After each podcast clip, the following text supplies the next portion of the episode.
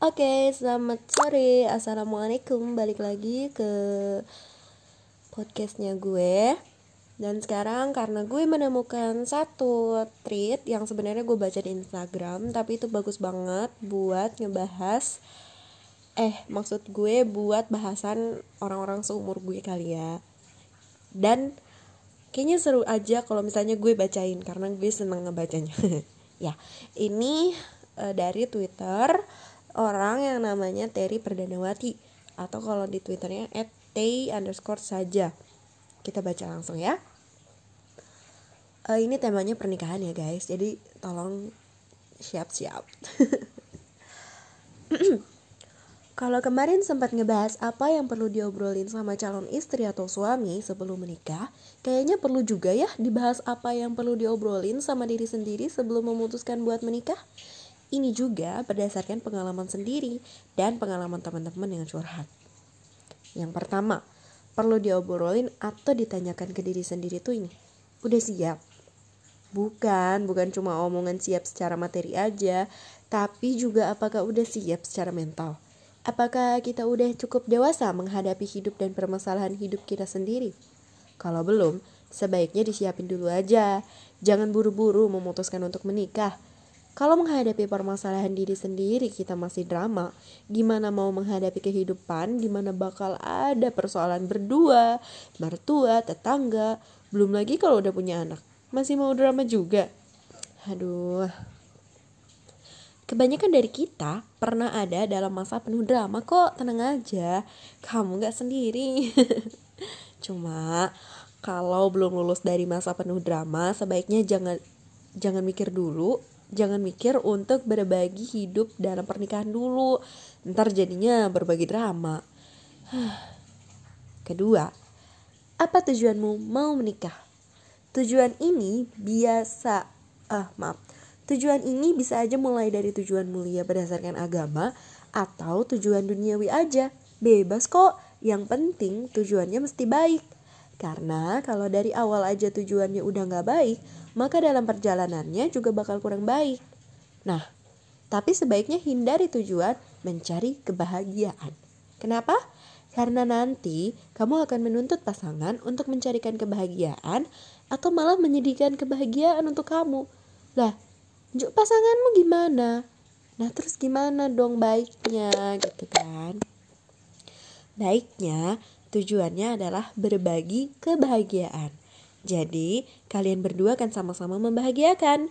Tapi berarti kamu sendiri harus sudah bahagia terhadap dirimu sendiri. Minimal nih ya, jangan jadikan pernikahan sebagai pelarian dari ketidakbahagiaanmu. Gitu. Sebaiknya juga hindari menikah dengan tujuan memperbaiki hubungan. Contohnya nih, pacarmu selingkuh, terus kalian berantem. Kemudian, biar kalian gak terus-terusan berantem, dia berusaha membuatmu senang dengan ngajakin nikah.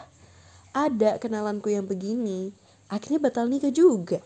Soalnya selingkuh lagi dia sebelum jadi nikah.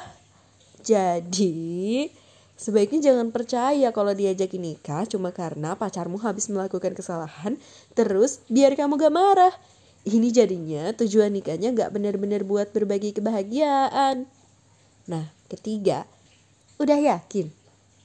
Udah yakin ini ada dua ya. Udah yakin sama diri sendiri dan yakin sama calon pasangan.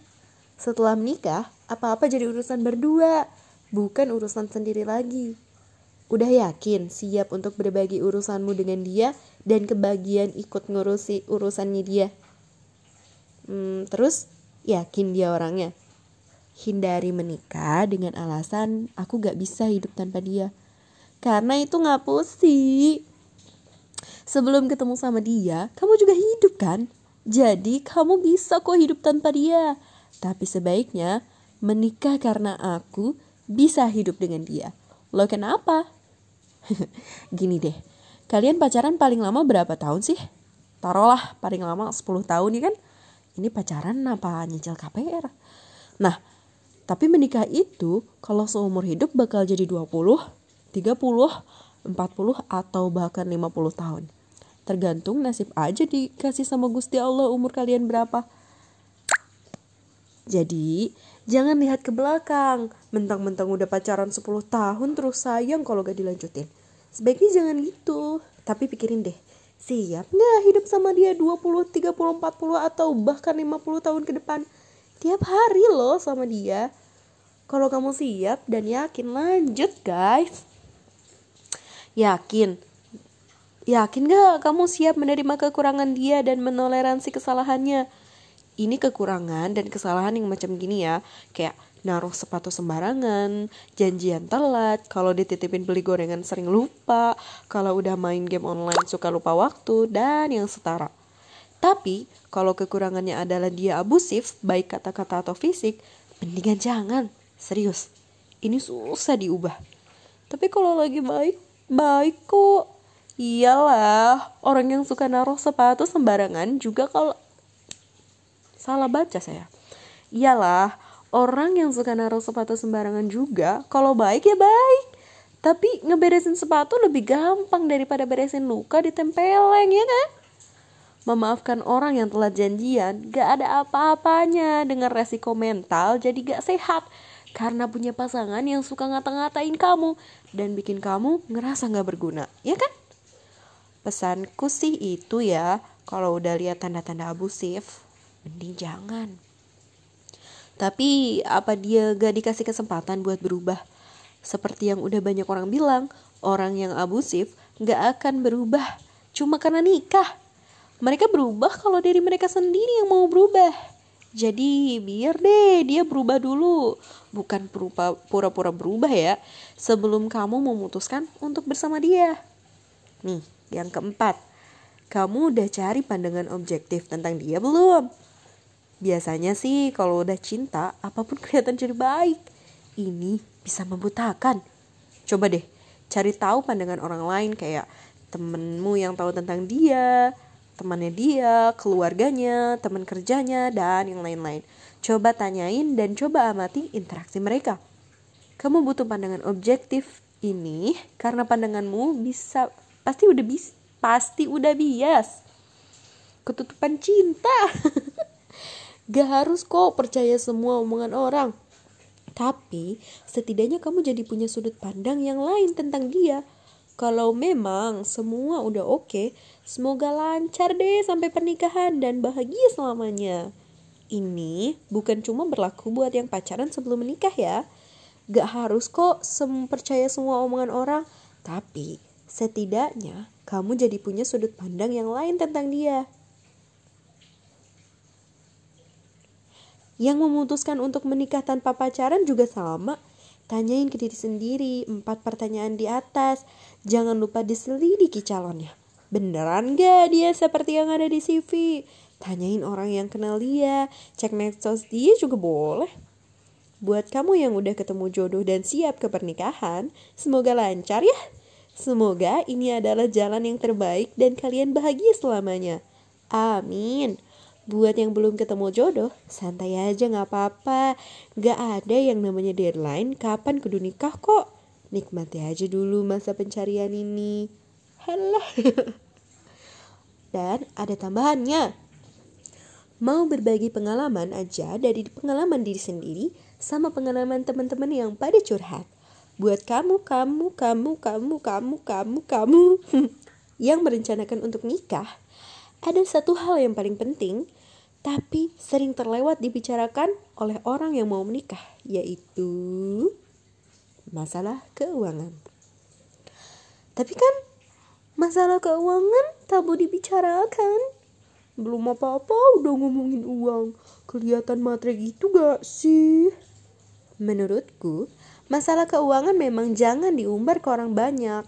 Tapi ke calon suami atau istri harus diomongin Justru karena baru mau menikah kudu diomongin sebelum terlambat dan menyesal. Ngomongin masalah keuangan di depan sebelum menikah tuh bagus buat melihat sebenarnya ekspektasi calon pasangan kayak gimana, rencananya ke depan kayak gimana, terus kira-kira bakal ada hambatan apa. Kan gak mau ya, tiba-tiba udah nikah baru tahu kalau pasangan kita punya utang sampai dikejar debt collector. Misalnya, yang pertama perlu diomongin pendapatan. Ini buat bayangan dalam rumah tangga bakal kayak apa. Kira-kira cukup nggak buat kebutuhan? Kalau nggak cukup, rencana ke depan apa? Siap nggak menghadapi? Soalnya ya, ini semacam racun pembunuh pernikahan secara diam-diam kalau nggak ditangani dengan benar. Ada teman yang curhat kalau setelah menikah berantem terus sama pasangannya. Bukan karena ada yang selingkuh, tapi karena duitnya nggak cukup buat mem membiayai kehidupan mereka. Dari masalah duit, merembet ke masalah-masalah lainnya.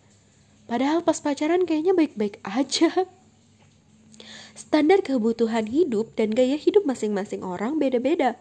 Nah ini disesuaikan aja sih sama pasangannya. Contoh ya, waktu itu rame-rame karena ada mbak-mbak yang pengen punya suami yang gajinya 30 juta, ya gak apa-apa. Yang gajinya gak segitu, bisa cari yang lain yang sesuai dengan keadaan gitu. Gak usah jaim atau gimana ya, jujur aja kasih tahu pendapatan masing-masing. Kalau cukup dan kedua belah pihak puas ya alhamdulillah. Kalau belum cukup dibicarain gimana solusinya. Mau gak berjuang bersama dengan keadaan yang ada? Sanggup gak? Kalau iya lanjut, kalau enggak ya gimana lagi jangan dipaksain. Terus yang kedua, ekspektasi dan rencana ke depan. Misalnya, tinggalnya mau di mana, kontrak, nyicil beli rumah, atau gimana? Duitnya udah ada. Mau beli motor, mobil, kapan, cukup nggak duitnya? Ini diobrolin ya biar rencana keuangan ke depannya lebih enak dijalani. Ketiga, gaya hidup dan hobi. Ini nggak muluk-muluk, mesti kayak gaya hidup artis apa gimana ya? Kayaknya aku salah nada. Ini nggak muluk-muluk mesti kayak gaya hidup artis apa gimana ya? Cuma kan ya perlu tahu. Misalnya, calon pasangan pengennya gimana, hobinya apa, dan kira-kira butuh dana berapa, biar nggak kaget aja gitu dan jadi masalah di pernikahan. Dan yang keempat, tanggungan. Keadaannya beragam ya tiap orang. Ada yang harus bantu orang tua dan adik karena keadaan, ada yang bebas gak punya tanggungan. Ini penting banget dibicarakan karena agak-agak sensitif dan bahaya banget kalau baru pas kalau baru tahu pas sudah nikah. Ada temen yang ngeluh kalau suaminya kasih 50% gaji ke keluarganya padahal uang belanja mepet. Suaminya ngeluh kalau istrinya nggak pengertian, keluarganya butuh bantuan. Ini bisa dihindari ngeluh-ngeluh kayak gini nih kalau dari awal sebelum menikah udah dibicarain dan disepakati solusinya gimana. Yang kelima, hutang dan hubungan. Hutang dan hutang hutang dan hubungan ini perlu diomongin ya biar hutang dan hubungan. Hutang dan tabungan guys. Hutang dan tabungan ini perlu diomongin ya biar nggak jadi kejutan. Ya kalau kejutan ternyata pasangannya punya tabungan 1M lah kalau ternyata punya hutang yang gede terus baru tahu setelah nikah dan kecewa kan bahaya. Jadi mending diomongin aja di depan. Di satu sisi kalau memang udah cinta, mau susah senang bisa dijalani bersama. Di sisi yang lain, kudu realistis. Terlalu banyak kejutan yang memberatkan salah satu pasangan dan baru tahu ke baru tahu ketahuan gimana sih? Baru ketahuan setelah menikah, itu bisa jadi racun dalam rumah tangga. Semoga sukses ya buat yang sedang merencanakan membangun rumah tangga. Yang belum ketemu jodoh, semoga dipertemukan dengan yang terbaik. Amin. Pernikahan itu bukan akhir, tapi proses sih. Masih ada banyak hal yang kudu dihadapi dan dipelajari selama menjalaninya. Jika dimulai dengan baik dan dibangun di atas komunikasi yang baik, insya Allah bisa dijalani dengan baik. Semangat!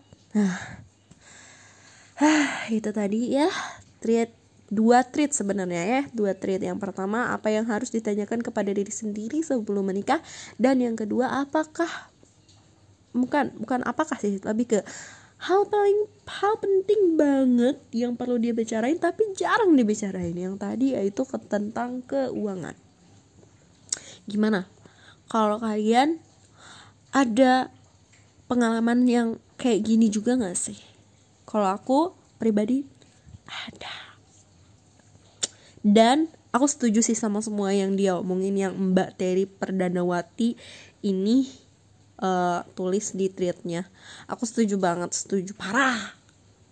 Pokoknya mantep banget. Terima kasih treatnya sangat bermanfaat. Semoga jadi lega ya karena gue udah bacain treatnya dan semoga semakin bisa disebarluaskan tulisannya Mbak Perdanawati ini. Oke? Okay? selamat sore. Dah